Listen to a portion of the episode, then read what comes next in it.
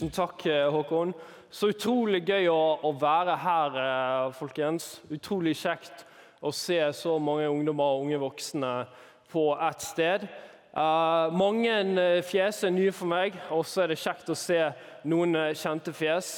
Jeg som sagt jobber som pastor i Tremorkirken på Sotra utenfor Bergen. En menighet som NLM uh, har der. Og uh, her er min familie, som dere ser her bak.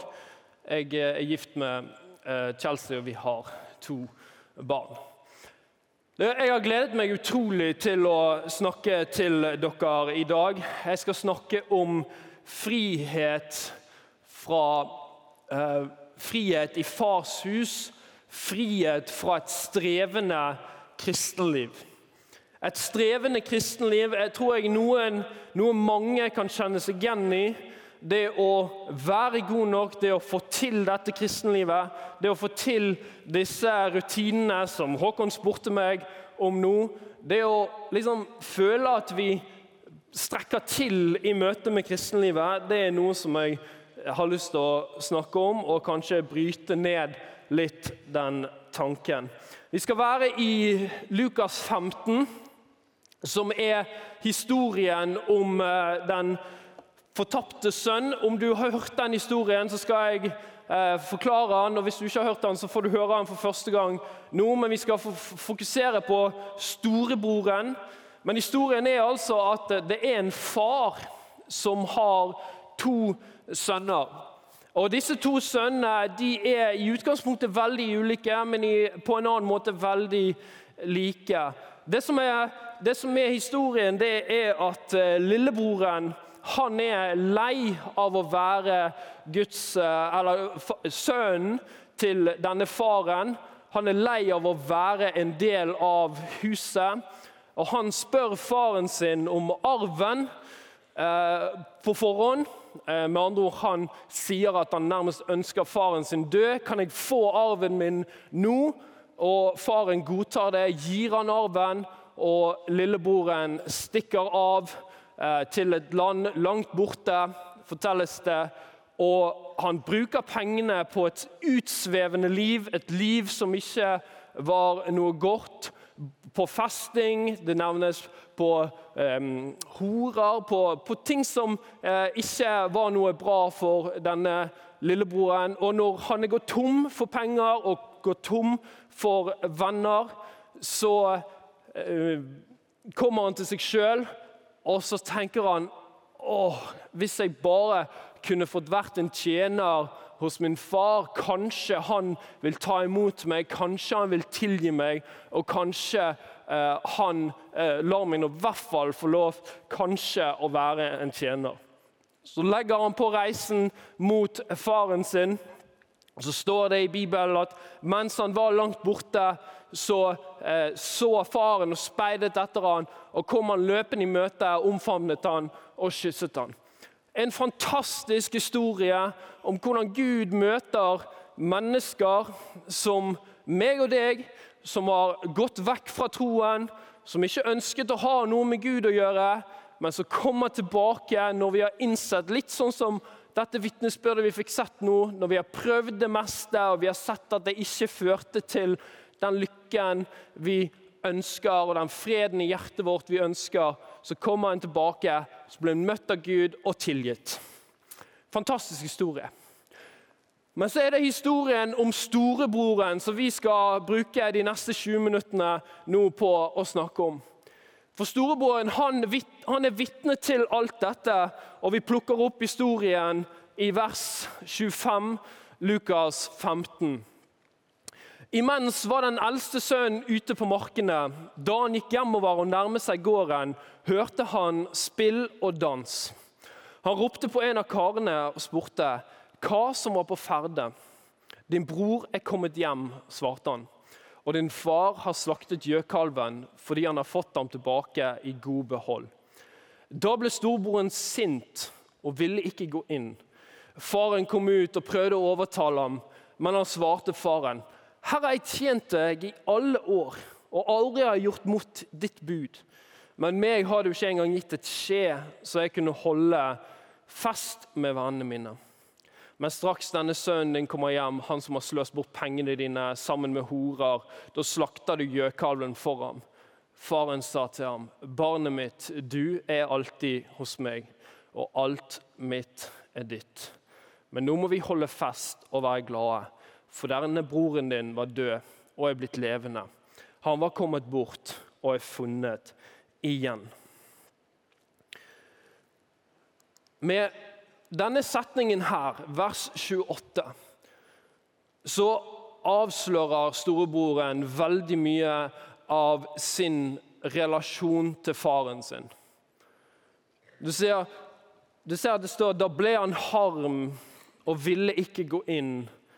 Men faren gikk ut til ham og talte vennlig til ham, men han svarte og sa til sin far, hør dette, se, i så mange år har jeg tjent deg, og aldri har jeg gjort imot ditt bud. Men meg har du ikke gitt et skje, en, en ung geit er det, så jeg kunne glede meg med vennene, så jeg kunne ha fest. Slakte en ung geit og ha fest med venner. Altså, når lillebroren som var fullstendig borte. Jeg kom tilbake, og det er stelt i stand en fest for lillebroren. Så er storebroren sint, og han nekter å gå inn. Og han avslører med den setningen Pappa, jeg har tjent deg i alle år. Jeg har aldri gjort imot ditt bud, og du har ikke gitt meg noe. Dette ordet 'tjene', som vi leser om her, det er det greske ordet som brukes for slave. Når de skriver om slaver, så det han sier, det er at 'i alle år har jeg slavet for deg'. Med andre ord, det har vært et slaveri å være din sønn, pappa. Det har vært et slaveri å være din sønn, er det det denne storebroren kjenner på. Han er sur på faren sin han anklager han for at han ikke har fått det han mener han fortjener. Så er Dette en historie som Jesus forteller om to mennesker som har forskjellige forhold til Gud. Og Jeg skal prøve å se på hvordan kanskje mange av oss kjenner oss etter hvert enda mer igjen i storebroren enn kanskje i lillebrøren. lillebroren. For det at der lillebroren velger å forlate Gud for å stikke av og prøve et eget liv, der blir storebroren værende. Han har ikke motet til å stikke av. Han blir værende i nærheten av Gud, men det er et slaveri å være kristen. Det er strevende, det er slitsomt, det er tungt. I alle år har jeg tjent deg, i alle år har jeg gått på bedehuset, i alle år har dette vært en plikt. Jeg har opp gjennom min tid som både ungdomspastor eh, og jobbet med studenter, og nå eh, pastor, snakket med mange ungdommer og unge voksne som opplever kristenlivet som strevende, som slitsomt, som tungt. Som en byrde de må bære, som bare trykker de ned. Jeg har møtt mange som prøver å få til dette kristenlivet. Som er med på alt av aktiviteter de kan være med på. Som er med på alle ting på bedehus. Som prøver å lese Bibelen, som prøver å be. Som prøver å få til disse tingene. Men som ikke føler de lykkes med det. Og også det at han har vært med på alle disse tingene, det han har vært på den lokale kristne ungdomsklubben eller vært i menigheten, og så går ting ikke helt som en ønsket, og livet ble ikke helt som en tenkte at det skulle bli. Og så spør en Gud hvorfor har ikke du velsignet meg. Jeg har jo vært så god mot deg, Gud.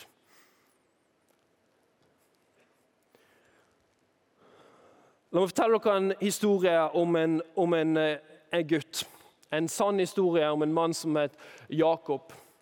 Som eh, var eh, litt sånn som han her vi snakket om nå. Eh, det vitnesbyrdet han hadde. Han levde for seg sjøl. Han hadde et motto om at 'jeg er min eh, sjels mester'. Jeg er kaptein på min egen skute. Jeg søker frihet, og jeg har funnet frihet. Han hadde jobben, han hadde pengene, han hadde familien eller, eller eh, ekteskapet osv. Men han kjente at det ikke fylte hjertet hans. Og så Som en lillebror så kom han tilbake, og så fikk han høre Guds ord og forkynnelse i en setting slik som dette. Så tok han mot Jesus. Og Jesus fylte hjertet hans og fylte han med den kjærligheten Jesus har for han, og det, den freden Jesus har for han. Og Så gikk det ikke lang tid før han heiv seg inn i tjeneste. Heiv seg inn i, Etter hvert begynte å jobbe i menighet osv. Og, så videre, og jobbet og jobbet. Og etter et par år så kjente han på panikkanfall, han kjente på stress, um, angst. Og alt ut ifra den tjenesten han hadde. Og så møtte Gud han på nytt i, i, uh, igjen. Og han innså når han var sykemeldt, når han ikke jobbet lenger, når han ikke kunne gjøre noe, når han ikke klarte å være noe som helst for Gud og tjene han, da møtte Gud ham på nytt. Og den freden han hadde lengtet etter hele veien, den fylte hjertet hans. Og Hva er det som skjer med den historien? Jo, det er en mann som er en lillebror, som blir frelst, men så går han rett videre til å bli en storebror.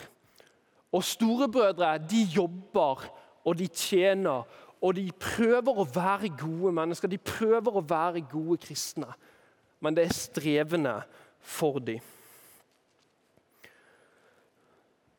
Du skjønner, Problemet til storebrødre det er ikke det onde de gjør.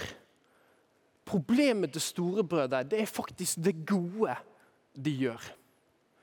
Og Det er ikke mange ganger du har hørt i kirken at en taler sier at det er faktisk de gode tingene du gjør i ditt liv, som kan hindre deg fra å se Guds kjærlighet. Det er ikke ofte du hører. Og det som er utfordringen, og det som eh, Og vi må ikke misforstå her, fordi at eh, det å gjøre gode gjerninger det er kjempeviktig. Jesus sier at 'den som har mine bud og holder dem, han er den som elsker meg'. Men så er det noe med dette med hjertet bak de gode gjerningene. Hvorfor gjør storebrødrene disse gode gjerningene? Hvorfor står de sånn på? Hvorfor vil de tjene? Hvorfor vil de være gode, gode kristne? Så motivasjonen bak de gode gjerningene. Denne mannen, denne Jakob som jeg fortalte dere om, hans motivasjon var for å bevise sin egen verdi for Gud. Han måtte jobbe, han måtte lese Bibelen, han måtte tjene. Han måtte være i det kristne fellesskapet for å bevise for seg sjøl og for Gud at han er god nok. At han er en god nok kristen. Og det var slitsomt for han. Og Mange av oss ønsker å bevise at vi er gode nok kristne.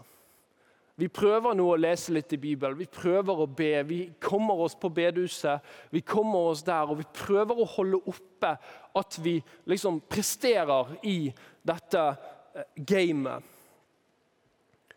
Mens storebroren, han er blind for farens kjærlighet pga. han er stolt over sin egen styrke og pga. det gode livet han får til å leve. Mens lillebroren han opplever farens betingelsesløse kjærlighet fordi han er elsket i all sin svakhet. Så For å kunne motta Guds kjærlighet, folkens, så må du innse og, og gi opp eh, og prøve å være så god kristen. Du må, du må, slutte å prøve å streve og prøve å få til dette kristenlivet. Du må rett og slett omvende deg fra det, fra disse gode tingene du mener på en måte gir deg litt sånn kreditt, gir deg litt sånn um, um, aksjer, eller gir deg på en måte ting som gjør at du er en god kristen. Og, og innse at, uh, at, det, at det hindrer deg å se Guds betingelser og kjærlighet. La meg gi deg et eksempel. Caleb han er min, min eldste sønn. Han er tre år gammel. Hvis jeg skal um, elske han betingelsesløst um, ved, ved, Guds kjærlighet, at jeg skal elske han ved Guds nåde betingelsesløst, og han prøver hele tiden å tilfredsstille meg og jobbe for å få min kjærlighet. Og jobbe for å leve for å på en måte bli akseptert av meg. Hvis han har det mindsettet og den tankegangen, så vil all kjærlighet jeg gir til han, bare fylle opp hans tankegang om at pappa elsker meg fordi at jeg er så god sønn. Fordi at jeg er så flink, fordi at jeg får til så mange ting, fordi at jeg er så flink med dette, fordi at jeg sier så mye fine ting. Det vil fylle den tanken og, og, og det motivet han har for å bli elsket. Kontra hvis um, sønnen min uh, går helt um, På en måte faller helt uh, i bakken har ingenting å stille opp med. Og når han sitter, bakke, sitter på bakken og, og er helt, eh, helt, slått ned, og er ikke stolt over seg sjøl, ikke har noe tanke om at jeg er verdig å bli elsket, eller at jeg eh, har, eh, har noe å stille opp med i forhold til pappa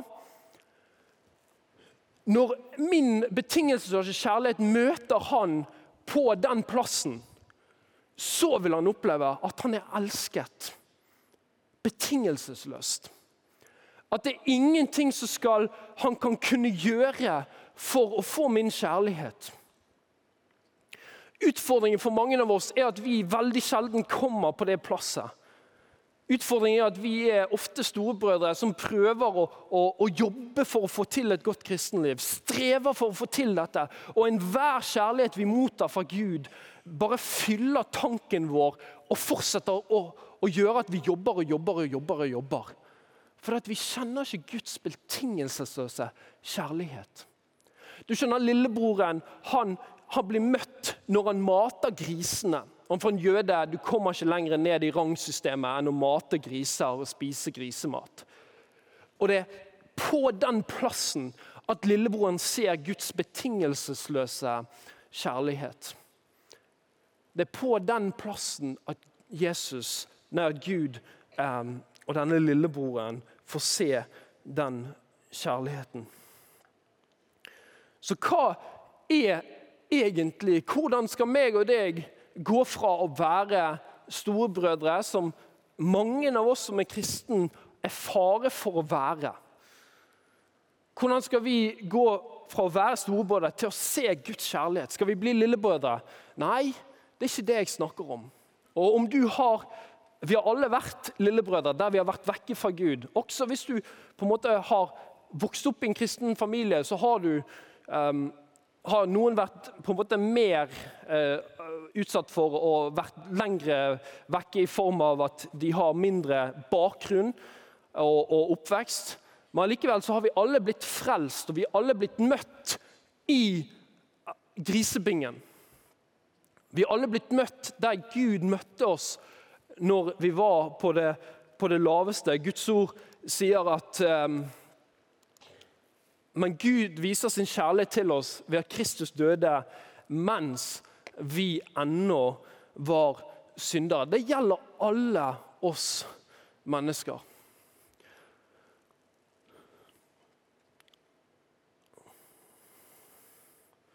Så Guds betingelsesløse kjærlighet, hvordan skal vi se det? Jo, det du skal få lov til å hvile i, det er at du skal slippe å være en god kristen. Du skal slippe å streve og prøve å få til dette kristenlivet. Du skal slippe å prøve å være en god disippel, slippe å prøve å få til alle disse tingene. Og Så skal du få lov til å vite og hvile i at Gud han elsker deg slik som du er. Når du har vært i grisebingen, etter du har sett på porno, så elsker Gud deg. Etter du har hatt sex med kjæresten, og du kommer med en anger, og du er bare så langt nede, og du er så skamfull at du, du, du føler deg så skitten at all verdens eh, vann kan ikke vaske deg rein. Hvis du kjenner på det, så elsker Gud deg der skjønner, Evangeliet er at vi må omvende oss fra våre onde synder i hermetegn og onde gjerninger, men også våre gode gjerninger. For noen av oss så handler det om at vi må bare rett og slett gi opp den masken om å være gode nok. Vi må gi opp det strevet om å prøve å få til dette kristenlivet. Vi må gi opp det. Det vil ikke si at du skal slutte å gå på bedehus og slutte å gå i menighet, men det vil si at du må spørre deg hva er motivasjonen din for det du gjør. Går du på bedehuset, leser du Bibelen, er du med på UL osv. for at Gud skal være fornøyd med deg? For at Gud skal elske deg, for at du skal kjenne på verdi?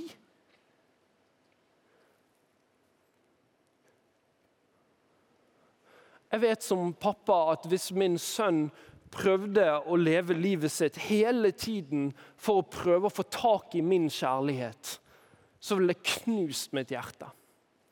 For jeg eldste han før han gjorde noe som helst. Altså I begynnelsen så er de, det er ikke mye de imponerer deg med. i begynnelsen. Det er ikke mye de kan vise til for å Wow, for en flott baby! Utenom utseendet deres. Men det som kommer ut av dem, det er liksom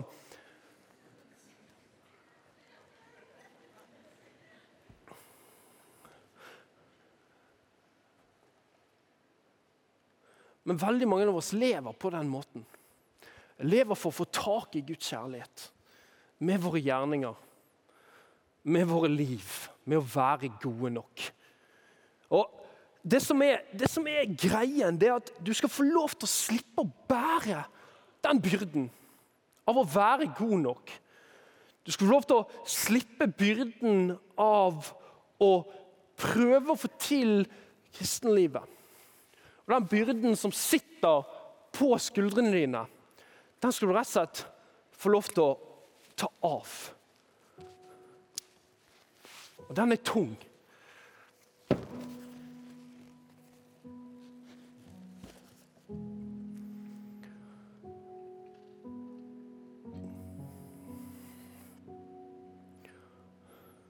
Det er så mye bedre å få lov til å leve i en visshet, i en frihet, om at Gud elsker deg. På grunn av den du er. Dine dårlige ting du har gjort. De gode tingene du har gjort. Spiller ikke noen rolle.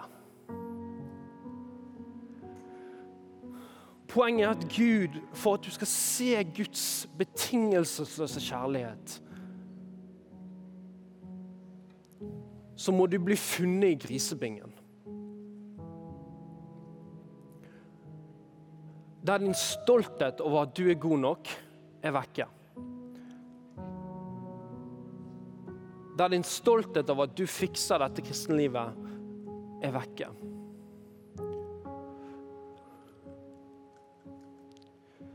For evangeliet er de gode nyhetene om at meg og deg, vi er ikke gode nok. Og det i seg sjøl er en kjemperyggsekk som vi kan få lov til å bare ta av. Og slippe å bære på. Du er ikke god nok. Uansett hva folk har fortalt deg. Du er ikke god nok. Men det er derfor evangeliet er så fantastisk. Du er elsket selv om du ikke var god nok. Selv om du ikke får til kristenlivet, selv om du ikke får til å lese Guds ord så mye som du ønsker, selv om du får til, ikke får til å lese Bibelen så mye som du skulle ønske, så er du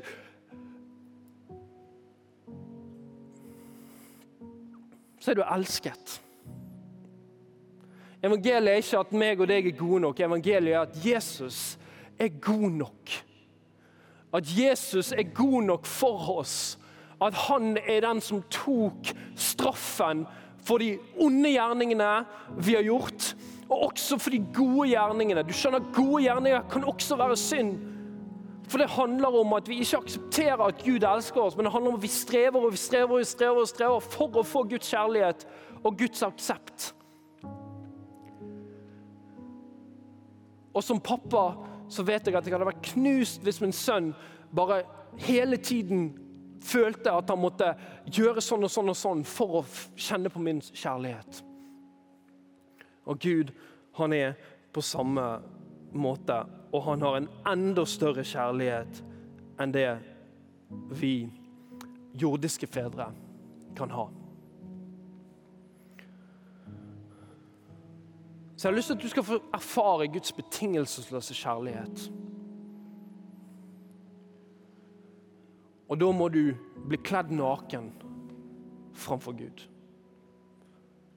Naken i form av dine dårlige ting du har gjort i livet ditt. Naken i forhold til de gode tingene som du holder oppe, som du tenker at ja, men jeg er jo litt bra. Jeg har jo litt å komme med, Gud. Jeg har litt å komme. med. Du har ingenting å komme med i møte med Gud.